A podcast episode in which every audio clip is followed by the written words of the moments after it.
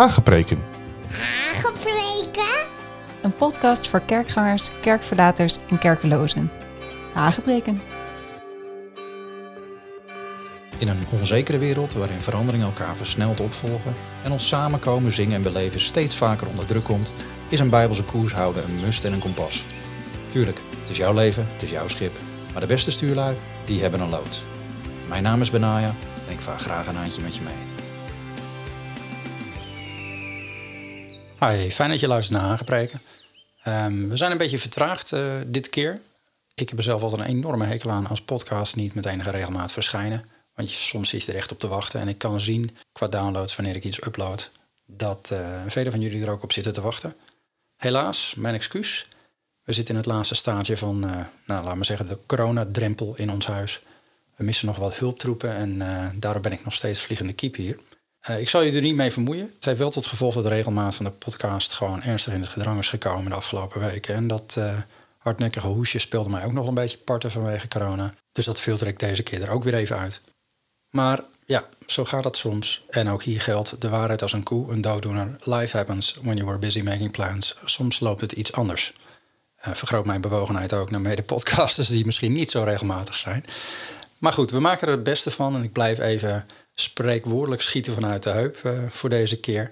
Uh, ook deze aflevering, omdat ik weet dat velen van jullie dus zitten te wachten. En dan wil ik in ieder geval mijn best doen om de regelmaat enigszins terug te pakken. Dat is zonder mijn huis tekort te doen, want dat is mijn eerste verantwoordelijkheid natuurlijk. Nou, vorige week hebben we nog een keer gekeken naar uh, het eerste deel van het groeistadium dat wij als gelovigen in Heer Jezus doormaken. Het kindstadium, daar zitten we middenin voor mensen die daarin aanhaken. Het thema van dit seizoen is kijken hoe je opgroeit en toegroeit naar het volwassen beeld van Christus. Want dat is wat we als gelovigen samen nastreven of samen na zouden moeten streven, volwassenheid. En dat zou onze focus moeten zijn in de wandel met God om gelijkvormig te worden aan het beeld van zijn zoon. Alleen zo komen we, zoals Paulus zo mooi zegt in Efeze 4, vers 13, tot de eenheid van het geloof en van de kennis van de zoon van God tot een volwassen man, tot de maat van de grootte van de volheid van Christus. En waarom? Vers 14. Opdat wij geen jonge kinderen meer zouden zijn, heen en weer geslingerd door de golven en meegesleurd door elke wind van leer, door het bedrog van mensen om op listige wijze tot dwaling te verleiden, maar dat wij, door ons aan de liefde en aan de waarheid te houden, in alles zouden toegroeien naar Hem, die het hoofd is, namelijk Christus. Nou, daar heb je het. Kindertijd is mooi en het is ook nodig om op te groeien. Het is een fijne tijd, maar uiteindelijk moet onze wens en verlangen zijn om niet langer als een kind bij de vader op schoot te willen zitten, om er even een populair nostalgisch geladen zangnummer te noemen, maar om volwassen te worden tot de maat van de grootte van de volheid van Christus. Tja, en Jezus is de zoon van de levende God en hij zit nu eenmaal niet bij zijn vader op schoot. He, dat is zeker geen aanname of een kwestie van gissen. We lezen op verschillende plekken in de Bijbel dat hij zowel staat, hè, handelingen 7, Stefanus zag hem staan aan de rechterhand Gods, als dat ook gezegd wordt, hij heeft zichzelf neergezet aan de rechterhand van God. En gezeten zijn aan de rechterhand Gods kan niet populair worden doorvertaald met zitten op de rechterknie van God. Eh, enfin, ik zal hier niet over doorzagen, maar alle fijne, warme onderbuikgevoelens ten spijt die een dergelijk lied opwekt, uh, ligt het niet in Gods bedoeling dat we dus kinderen blijven. Hij zoekt mensen die net als zijn zoon de Vader verbeelden, zodat hij zelf te herkennen is in ons spreken, ons wandelen, ons handelen en onze hartsgesteldheid door andere mensen. Nou, waarom is dat nou? Nou, zoals de tekst van zo net zegt, kinderen worden meegesleurd door elke wind van leer.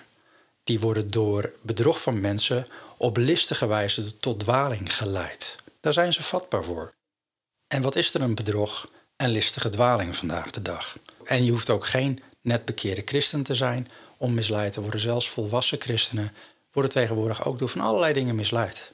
Allerlei invloeden, kan zijn in de maatschappij, eh, kan zijn politiek, kan zijn ja, misschien zelfs uh, Oosterse religies of hobby's of medische dingen, van alles. Vandaar volwassenheid. Toegroeien naar ons hoofd, Christus. Een must. En dat met name omdat het geluid van onze naderende bruidegom, Christus, steeds sterker klinkt in onze tijd.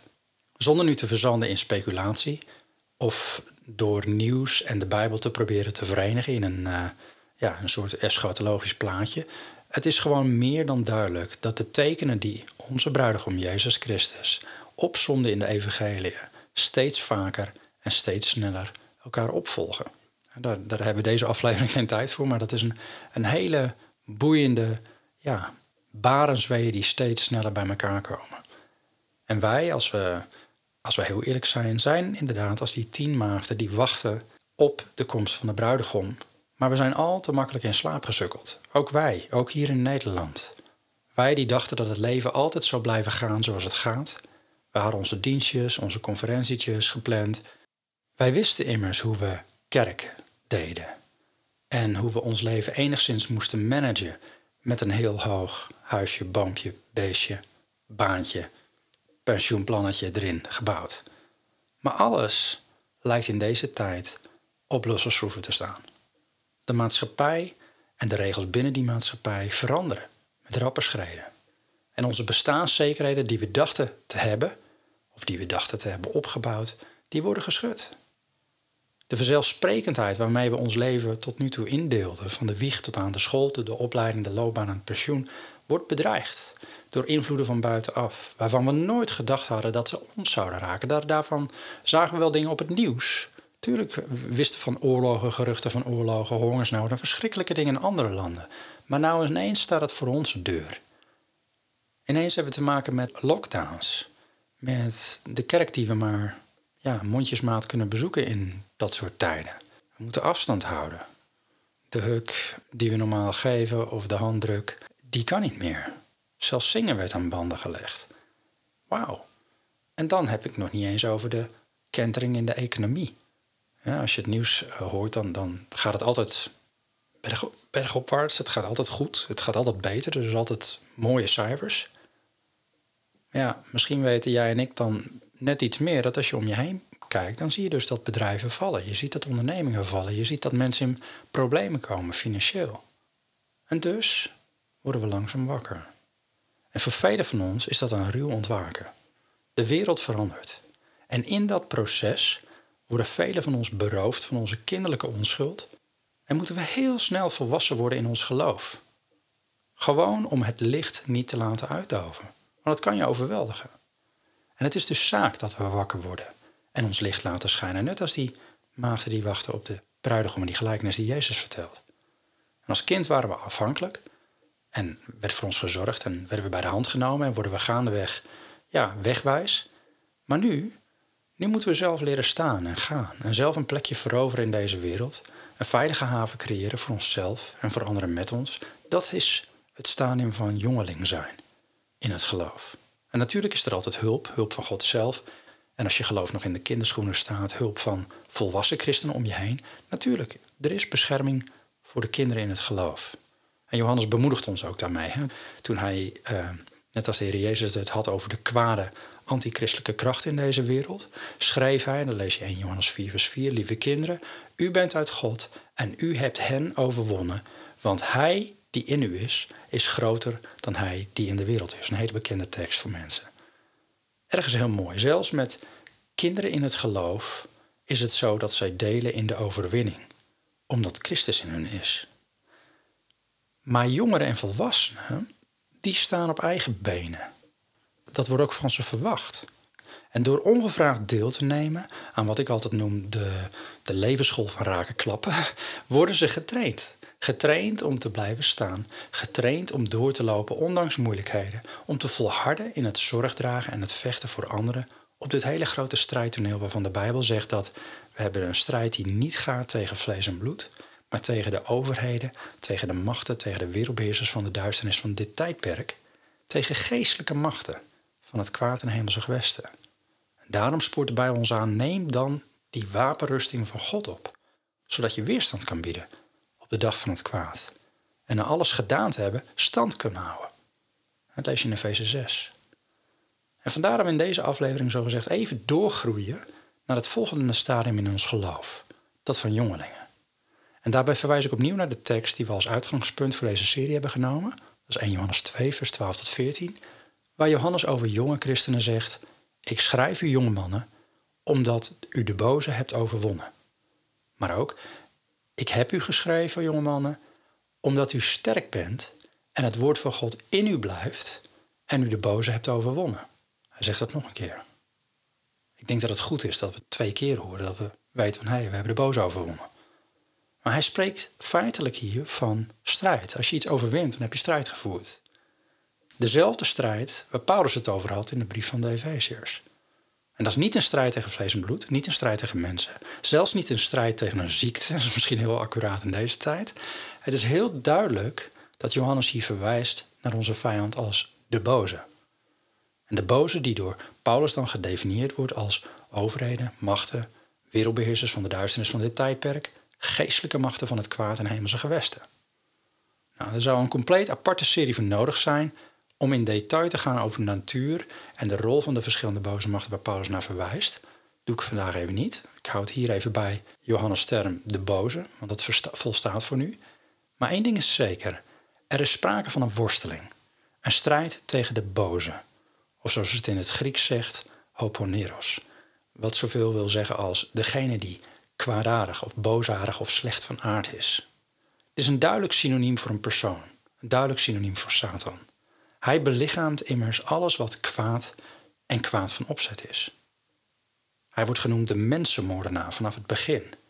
En Johannes 8 staat dat. En daar hebben we als mens mee te maken. Of we dat nu geloven, of nu geloven dat een persoon is of niet, een, een werkelijk persoon die dit belichaamt, hij neemt zijn rol serieus. Want hij werkt vanuit zijn aard. En zijn aard is verdorven, is kwaadaardig en extreem verleidelijk. En als het niet zo was, ja, dan was de mens nooit gevallen. Bedenk dit wel, de eerste mensen die vielen als een blok voor zijn verleiding. En dat gebeurde in een omgeving die onaangetast was door zonde. Dat is heel boeiend. Het was een paradijs waar God dagelijks wandelde en sprak met de mens. Ja, en hoeveel te meer lopen we nu gevaar aan de andere kant van die zondeval in een wereld die in een verre gevorderd stadium is van goddeloosheid en van zonde. Maar zelfs in die perfecte omgeving gebeurde dit. En toch zegt Johannes: Ik schrijf u, jonge mannen, omdat u de boze heeft overwonnen. Hoe is dat mogelijk? Of beter gezegd, wat is er voor nodig? Wat is er nodig voor overwinning? Wel, Johannes geeft jongeren in het geloof een sleutel in die tekst. Hij zegt: Ik heb u geschreven, jonge mannen, omdat u sterk bent en het woord van God in u blijft en u de boze heeft overwonnen. En hij noemt dus twee componenten die heel belangrijk zijn: sterk zijn en zorgen dat het woord in je blijft. Maar sterk zijn is niet simpelweg een keuze. Het is veel meer dan uh, gewoon een besef: oh ja, Christus is in mij. Natuurlijk is Hij, Christus, degene die groter is dan de wereld. Hij die in u is, is groter dan, dan Hij die in de wereld is, zegt de Bijbel. En Johannes 4. En dat is inderdaad hetgene waar het om draait. En de Bijbel noemt het ook wel het grote geheim. Hè? Mensen zeggen van nou, de secret. Nou, de Bijbel heeft al heel lang een secret, maar dat ziet er heel anders uit. In Colossense 1, vers 26 staat het. Spreekt het over een geheimenis dat eeuwen en geslachten lang verborgen is geweest, maar nu geopenbaard is aan zijn heiligen. Aan hen heeft God willen bekendmaken wat de rijkdom is van de heerlijkheid van dit geheimenis onder de heidenen, namelijk Christus in u, de hoop op de heerlijkheid. Dat is het geheim. Christus in u dan weet ik wel, sommige vertalingen zeggen Christus onder u, maar de Griekse grondtekst spreekt van in u. En dit sluit aan op wat Jezus ons zelf vertelde. In Johannes 14 zegt hij nog een korte tijd en de wereld zal mij niet meer zien, maar u zult mij zien, want ik leef en u zult leven. Op die dag zult u inzien dat ik in mijn Vader ben en u in mij en ik in u. Niet ik onder u, maar ik in u. En dat gaat verder dan een besef. Het is een bewust blijven in Hem zodat hij in ons kan blijven. Of zoals Jezus vervolgt in het, in het hoofdstuk daarna, dat is Johannes 15, dat hij zegt: Blijf in mij. Misschien ken je dat gedeelte, dat is een prachtig gedeelte. Blijf in mij en ik in u. Zoals de rank geen vrucht kan dragen uit zichzelf als ze niet in de wijnstok blijft, zo ook u niet als u niet in mij blijft. Want ik ben de wijnstok, u bent de ranken. Wie in mij blijft en ik in hem, die draagt veel vrucht. Want zonder mij kun je niks doen. Een prachtig gedeelte, ik heb het even helemaal voorgelezen voor je, maar daar heb je exact wat Johannes zegt tegen jongeren in het geloof. Vrucht dragen spreekt van een boom die in zijn kracht is gekomen. kleine appelstekjes die brengen geen grote oogst voor. En, en jonge bomen doen dat dan wel, maar oude bomen doen dat zeker. Oftewel, dat sterk worden is een groeiproces. Maar ook bevestigt Jezus het belang om zijn woorden in je mee te dragen. En dat kan alleen als je daar tijd voor neemt. Je kunt nog zoveel Bijbels en Bijbelvertalingen op de boekenplank hebben staan of in je smartphone. Maar als je ze nooit leest, als je Gods woord nooit tot je neemt en daar tijd voor maakt en je eigen maakt, dan baat het je niks. Doe je het wel, ja, dan heb je een enorm krachtig wapen in handen tegen de boze, tegen de verleider. En dat zie je onder andere hoe hij de Heer Jezus zelf probeerde te verleiden in de woestijn. En ik wil even specifiek kijken naar die situatie, de verleiding of de verzoeking van de Heer Jezus in de woestijn, omdat het aansluit op de wijze waarop Johannes raad geeft aan de jongeren in het geloof. Deze aflevering duurt daardoor ietsje langer, maar goed, je hebt ook wel even wat tijd gemist, dus ik neem even die vrijheid. Maar we lezen onder andere in Matthäus 4 over de verzoeking in de woestijn, net nadat Jezus publiekelijk van God heeft gehoord uit de hemel wie hij was. God heeft publiekelijk zichzelf geopenbaard vanuit de hemel als Vader toen de Heer Jezus uit het doopwater omhoog kwam en de Heilige Geest ontving. En dan identificeert hij Jezus als zijn zoon. Dit is mijn geliefde zoon, in wie ik een welbehagen heb, met wie ik blij ben. Matthäus 3, vers 17.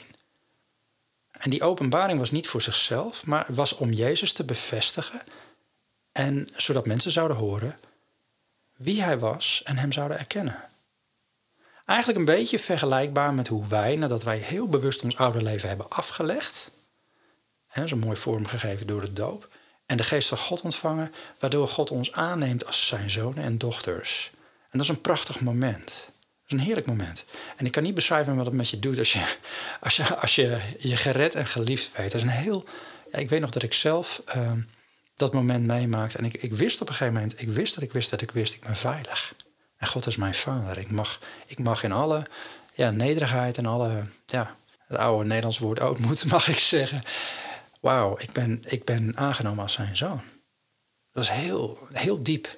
Ik hoop dat je dat realiseert, dat je dat mag toe-eigenen als je je bekeert van je oude leven en Jezus aanneemt als je redder. Ik hoop van harte dat je het hebt meegemaakt. Dat je een bewuste keuze hebt gemaakt. Maar daarna zegt, zegt het in Matthäus 4 Jezus werd door de geest weggeleid naar de woestijn om verzocht te worden door de duivel. Meteen daarna. En dat is opmerkelijk. De geest van God leidde Jezus naar de woestijn om verzocht te worden door de duivel. En dat vind ik heel boeiend, want kennelijk staat God toe dat wij verzocht worden. Ik bedoel, we mogen wel bidden zoals we dat doen in het Onze Vader, wat hij ons leren bidden. Leid ons niet in verzoeking, maar verlos ons van de boze. Daar heb je die boze weer, Matthäus 6. Hè. Maar ehm, er zullen tijden zijn dat God toestaat dat de duivel zijn best mag doen om ons te verleiden. Hij zegt zelf op een gegeven moment tegen Petrus ook van, hè, Satan heeft gevraagd u, verzocht u te ziften. Dus, dus soms vraagt Satan, ik wil hem ziften, ik wil kijken wat is hij waard. En dan zegt Jezus, maar ik heb u voor u gebeden, dat u geloof stand houdt. Boeiend. Zelf vergelijk ik het altijd met klimsport. Ik heb vroeger heel veel geklommen in mijn studententijd. En klimmen is een hele intensieve sport. Is een hele moeilijke sport ook. Een, een combinatie van kracht en techniek en mindset. Want als je niet de juiste mindset hebt, als je zo'n can do, ik kan dit, ik ga hiervoor, en dan gaat het je sowieso niet lukken, ook al heb je kracht en techniek. Maar zeker de helft van je klimkracht zit in het juist toepassen van bepaalde klimtechnieken. En dan bedoel ik op tijd verplaatsen van je handen en voeten, je gewicht voortdurend verdelen over je handen, over je, over je verschillende ledematen, kennis van wanneer je op het punt staat te verzuren door overbelasting, etc.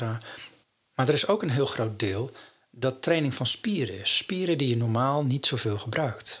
En zeker als je nooit klimt en, en dan een wand gaat doen, dan, ja, dan kan het zijn dat je de volgende ochtend opstaat en nauwelijks overeind komt, omdat je lichaam ja, je op een hele pijnlijke manier herinnert aan het feit dat er spiergroepen zijn in je, in je, in je body, kennelijk, waarvan jij het bestaan niet eens wist. Zo'n pijn en zo in detail soms. En toch gaandeweg, met de nodige oefening en de nodige coaching van iemand die thuis is in de klimsport, begint inzicht te komen in techniek en begint door oefening die krachtopbouw. Dat is eigenlijk zo in elke sport natuurlijk. Maar het is niet op een andere manier op te bouwen dan gewoon door het te doen. En door je lichaam voortdurend te disciplineren om bepaalde grenzen te verleggen. En grenzen van uithoudingsvermogen, en daarbij bedoel ik vermoeidheid en pijn, maar ook grenzen van eh, van kunnen in je denken en een bewuste oefening van die bepaalde technieken. En daarom hielden we ook aan wat we tieners tijdens survivalkampen ook erin drilden: van pijn is fijn, jeuk is leuk, bloed moet, kom op jongens, we gaan ervoor. Het klinkt wat militaristisch, maar hey, je zit ook in een oorlog. Eh, dat hebben we net gelezen. Voor klimmen geldt hetzelfde: no pain, no gain. zo, zo kunnen we ook enkel sterk zijn in ons geestelijk leven als we ons erop toeleggen om ook sterk te worden. En dit betekent feitelijk dat je niet de makkelijkste weg kiest. Niet capituleren, niet vluchten, niet berusten, maar voortdurend die confrontatie aan blijven gaan met de boze. Net zolang totdat je sterk genoeg bent. En dat lees je ook zo mooi dat, dat er staat aan de duivel liet met rust. Dat punt komt, maar niet ineens. Want hij geeft niet zomaar op. En dat conflict, dat gaat dan wel op een manier hoe de Heer Jezus het voorleefde. En dat is door een offensief wapen op te pakken, wat Paulus al in Efeze 6, wat we net lazen, noemde. En dat is het zwaard van de geest, het woord van God. En het is boeiend dat eigenlijk die hele geestelijke strijd, die hele verzoeking en dat siften van Satan, eigenlijk heel erg terug te brengen is tot maar een aantal componenten. Want Jezus had maar één manier nodig om Satan keer op keer te verslaan. Telkens weer zei hij, er staat geschreven.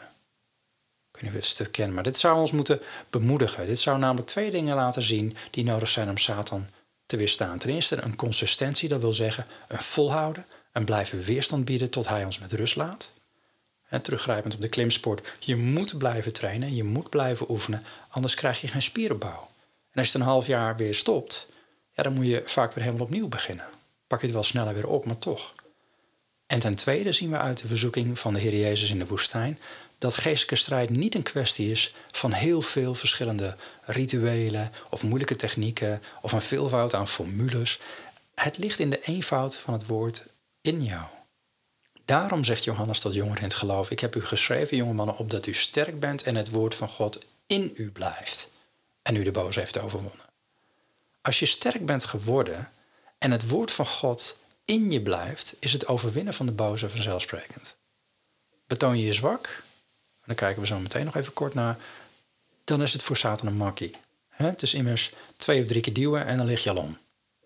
Neem je meer Netflix dan het woord van God tot je, tja, dan heeft de Heilige Geest er niet zoveel zwaard aan. Het woord werkt, maar wel voor degene die ermee aan het werk gaan. En ik ben zelf nog oldschool gediscipeld, op een, op een navigatormanier. Dat is met name ook het memoriseren van Bijbelteksten. Wij hadden allemaal zo'n, ja, wat is dat, zo'n dubbelgevouwen lapje leer met kaartjes erin met Bijbelteksten, waarmee we elkaar voortdurend bestookten. En dan ging dan van zo van en Johannes 5 vers 12. Wie de zoon heeft, heeft het leven. Wie de zoon van God niet heeft, heeft het leven niet. Nou, had je die goed, dan mocht je de andere mocht je, mocht je bestoken met eigen tekst. Hè? Matthäus 4 vers 4b. Dat is altijd 4b. Niet alleen van brood zal de mens leven, maar van alle woord dat uit de mond Gods uitgaat. En hoe als je dan zei van alle woord dat de mond Gods uitgaat. Nee, het was dat uit de mond Gods uitgaat twee keer uit. Waarom wisten we ook niet, maar het moest exact zijn. Nou, misschien vind je dat me niets, maar het heeft voor mij een fundament gelegd in mijn leven waarop ik nog steeds voortbouw. Het woord zit op heel veel gedeelten er zo sterk ingebouwd dat de Heilige Geest altijd wel iets vindt om beter te pakken om Satan een slag om zijn oren te geven, zou ik maar zeggen. En dan kan het je aanraden. Begin gewoon eens een tekst te memoriseren. En pak eentje die slaat op een situatie waar je nu tegenaan loopt, bijvoorbeeld. Of die van toepassing is op een verleiding waar je mee worstelt. En dan zal je zien dat op cruciale momenten je gedachten ineens overstemd worden door die ene tekst. Want je hebt niet veel nodig. Jezus citeerde ook niet een hele Bijbel. Maar dan nog even dit. Jezus' verzoeking in de woestijn laat nog iets aan ons zien. Niet alleen is de verdediging tegen de verleidingsaanvallen van Satan uh, die hij op ons uitvoert terug te brengen tot de eenvoud van het blijven weerstaan met het woord van God. Ook de aanval is voorspelbaar en zou ons daarom niet moeten verrassen. Voordat we daar naar kijken is het misschien goed om nog even de rest van het briefgedeelte van Johannes te lezen. Want in 1 Johannes 2, vers 15 tot 17 drukt hij de jongeling in het geloof iets op het hart, nadat hij zegt: Je hebt de boos overwonnen. En dan zegt hij: Heb de wereld niet lief en ook niet wat in de wereld is. Als iemand de wereld lief heeft, is de liefde van de Vader niet in hem. Want al wat de wereld is, de begeerte van het vlees, de begeerte van de ogen en de hoogmoed van het leven, dat is niet uit de Vader, maar dat is uit de wereld. En de wereld, die wereld gaat voorbij met haar begeerte. Maar wie de wil van God doet, die blijft tot een eeuwigheid. Drie dingen: de begeerte van het vlees, de begeerte van de ogen en de hoogmoed van het leven. En wat is de begeerte van het vlees? Ja, je, je, vlees wil niet zoveel, je lichaam wil niet zoveel. Je, je lichaam wil, wil, wil eten, wil drinken, wil slaap, wil comfort en wil seks. Als het niet het een wil, dan wil het wel het andere. Maar dat, dat zoekt het lichaam. Dat is de begeerte van je lichaam. En de begeerte van de ogen, ja, dat is letterlijk alles wat je ziet. Ik heb op dit moment een dochter die helemaal in de ban is van Sinterklaas. Ik heb al heel vaak uitgelegd dat Sinterklaas er al niet meer is en dat papa en mama de hulp Sint en hulppiet spelen. Maar ze wil heel graag geloven, dus ze heeft drie verschillende verlanglijstjes. Een digitale en twee andere. Waarop ze alles wat ze ziet bij vriendinnetjes, uh, bij de Intertoys, alles wat zij verzamelt, dat staat op dat lijstje. En ik heb de grootste moeite om haar een beetje te betuigen. En zeggen we, joh, het is niet een, uh, het is een waslijst geworden, maar het is ook geen boodschappenlijst. Uh, het is leuk dat je het neerzet, maar ja, we moeten kijken wat we gaan doen. En je kan ook heel tevreden zijn, heel blij zijn al met wat je hebt. Maar het komt nog niet helemaal aan, ze is zeven.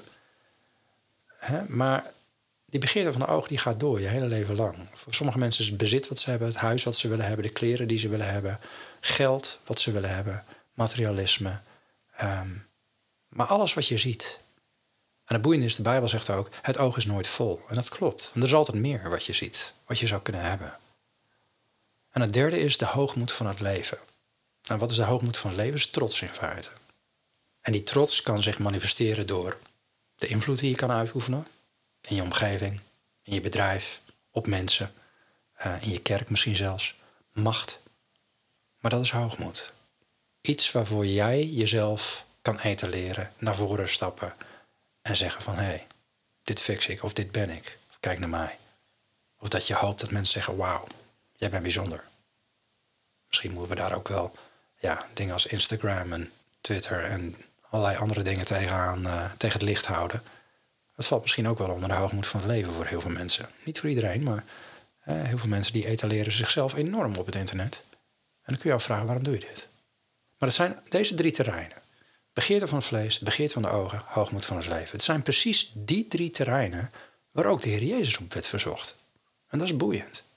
Want Satans eerste tactiek was om het meest kwetsbare deel van Jezus mens zijn aan te vallen. Zijn vlees. Jezus als God in een mensenlichaam had in één keer een lichaam wat ten prooi zou kunnen vallen aan de begeerte van het vlees.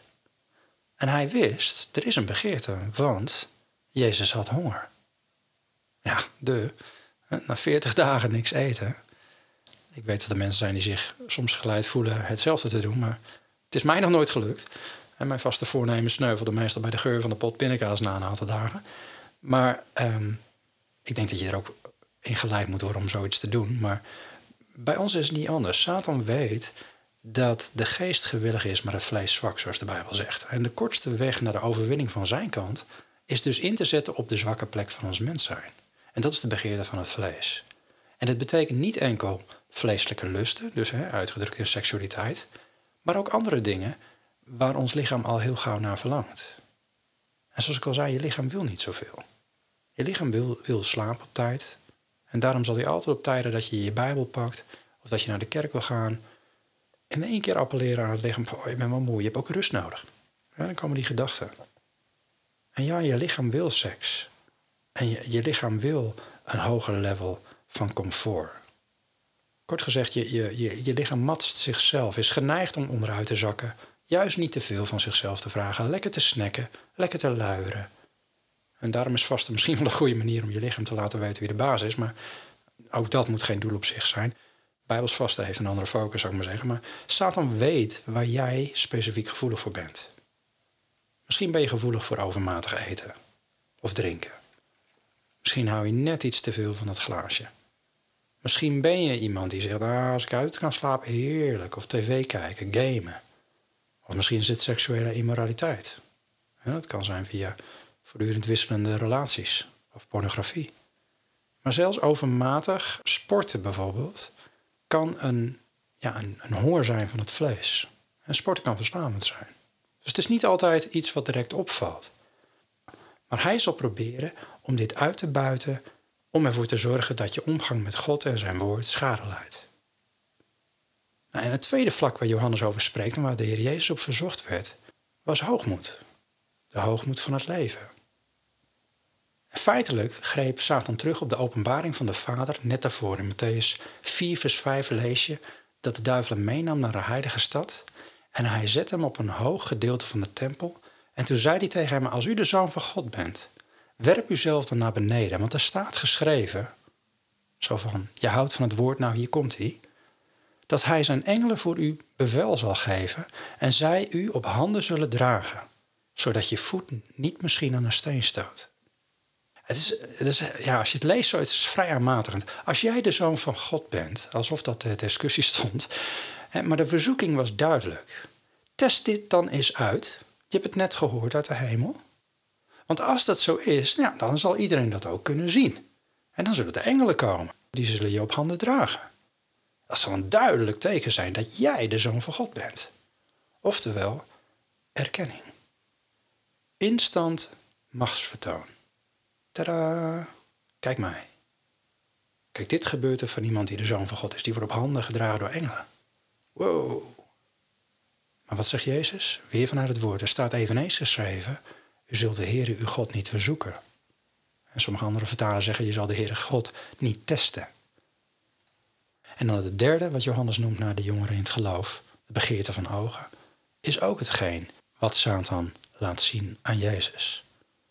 Hij laat hem een, uh, een zeer hoge berg zien en hij liet hem al de koninkrijken van de wereld zien met hun heerlijkheid. Dat kon hij zien met zijn ogen. En toen zei hij tegen hem: Dit zal ik je allemaal geven als je knielt en mij en bidt. En dan zegt Jezus tegen hem: Ga weg, Satan. Want er staat geschreven: De Heer uw God zult u aanbidden en Hem alleen dienen. En dan door simpelweg vol te houden, voortdurend met het woord wat in hem was. Hij was natuurlijk ook het woord, maar dat kunnen wij ook met het woord wat in ons is. Als Jezus in ons is en wij nemen het woord tot ons en het blijft in ons, het leeft in ons, dan staat het liet de duivel hem gaan. En zie, engelen kwamen en dienden hem. Dan komt het moment van lafenis, dan komt het moment van ontspanning, dat je eindelijk even, he, de aanval is gestopt. Je hebt de duivel, de boze, overwonnen. Prachtig. Het is heel mooi hoe Jezus in feite al die drie ja, raadgevingen waar Johannes van zegt: dit is wat de wereld is. Dit is wat niet uit de Vader is, maar dit gebeurt er. Ja, de, begeerte van de ogen, begeerte van het vlees, hoogwaardig leven, daar krijg je mee te maken. En daarom staat er ook in Hebreeën 4, vers 15 en 16: Wij hebben geen hoge priester die geen medelijden met ons kan hebben in onze zwakheden, maar eentje die in alles op dezelfde manier als wij is verzocht, maar zonder zonde was. Laten we dan met vrijmoedigheid naderen tot de troon van genade, opdat wij barmhartigheid verkrijgen en genade vinden om geholpen te worden op het juiste tijdstip. Want wat haal je bij de troon van genade? Hulp. Mijn hulp is van de Heer, zegt de psalm, die hemel en aarde gemaakt heeft. En wie is de Heer? Onze hoge priester, het levende woord. Daar moet jouw hulp vandaan komen. Dan, als Hij in je leeft en Zijn woorden in jou zijn, word je geholpen op het juiste tijdstip dat je het nodig hebt. Dan kun je Satan weerstaan. Nou, ik denk, op deze manier kun je heel makkelijk de eenvoud van de aanval en de eenvoud van de verdediging zien in geestelijke strijd. Satan, de boze, komt met verzoeking en hij komt altijd op dezelfde manier. Altijd op een van die drie terreinen probeert hij je onderuit te halen. En wij, wij weerstaan hem door telkens opnieuw het woord in te zetten. Het zwaard van de geest, dat is het woord van God, zegt de vers 6. En ik wil je uitdagen in de komende tijd. Vraag eens aan de Heilige Geest. Vraag eens aan God. Waarop word ik verzocht? Is het de begeerte van de ogen? Is het de begeerte van het vlees? Of is het een hoogwaardig leven? Zit er een bepaalde mate van trots of eigen gereidheid in me? En het kan zelfs zijn dat je zegt, ik moet, het, ik moet het allemaal zelf doen. Dat je God er niet eens bij betrekt. Maar God is jouw genezing. God is jouw voorziener. Jouw baan is niet jouw zekerheid. God is jouw zekerheid. Misschien heb je daar een enorme nachtrust uh, die je daar mist. Ik noem het maar even. Het komt zo even in me op. Maar God is jouw zekerheid. Val niet in de verleiding om te denken dat je dit allemaal zelf kan fixen. Ik kan het getuigen van mezelf in de afgelopen twee, tweeënhalf jaar, sinds mijn vrouw de hersenbloeding heeft gehad, zijn wij op nul gezet. We zijn feitelijk beroofd van alles. Niet alleen werk, maar ook financiën, alles. En toch heeft hij ons een leven gehouden. Waarom? Hij is onze voorziener. En we hebben in die zin enorm veel ervaren dat wij genade hebben gekregen en hulp op het juiste tijdstip van God. Maar het is wel een verzoeking dat je niet in een hoogwaardig leven gaat zitten. Je zegt, ik moet zelf knokken, ik moet zelf dit bewerken. Want als ik niet dit krijg of niet dat krijg... dan kun je van allerlei dingen heel vermoeid kun je gaan proberen... alles te regelen en te organiseren. En het enige wat je dan krijgt is een hoop frustratie. Omdat je niet als startpunt neemt, Heer, help. U bent mijn bron. U bent mijn voorziener. U bent mijn redder, u bent mijn genezer, u bent mijn alles. Dat is de grootste valkuil, denk ik, voor mensen in het Westen. Dat we gewend zijn om het allemaal zelf te kunnen. En zoals ik in het begin van deze aflevering al zei, dingen staan op schudden. Maar dat is niet allemaal negatief. Want zoals Cruijff altijd zei, hè, heb ik nadeel zijn voordeel. Een voordeel daaraan is, is dat veel meer mensen nu in één keer geen keus meer hebben, maar op de knieën moeten vallen en zeggen, Heer, help. En wat een mooie plek voor God om te zeggen, hier ben ik. Ik ga je helpen. Het is tijd dat ik je ga helpen. Want dit kun je niet alleen. Want zonder mij kun jij niks doen. Goed. Genoeg voor deze keer. Blijf luisteren naar het woord van God. Blijf koers houden. En volgende keer navigeren we verder. Heb je vragen, opmerkingen of aanvullingen?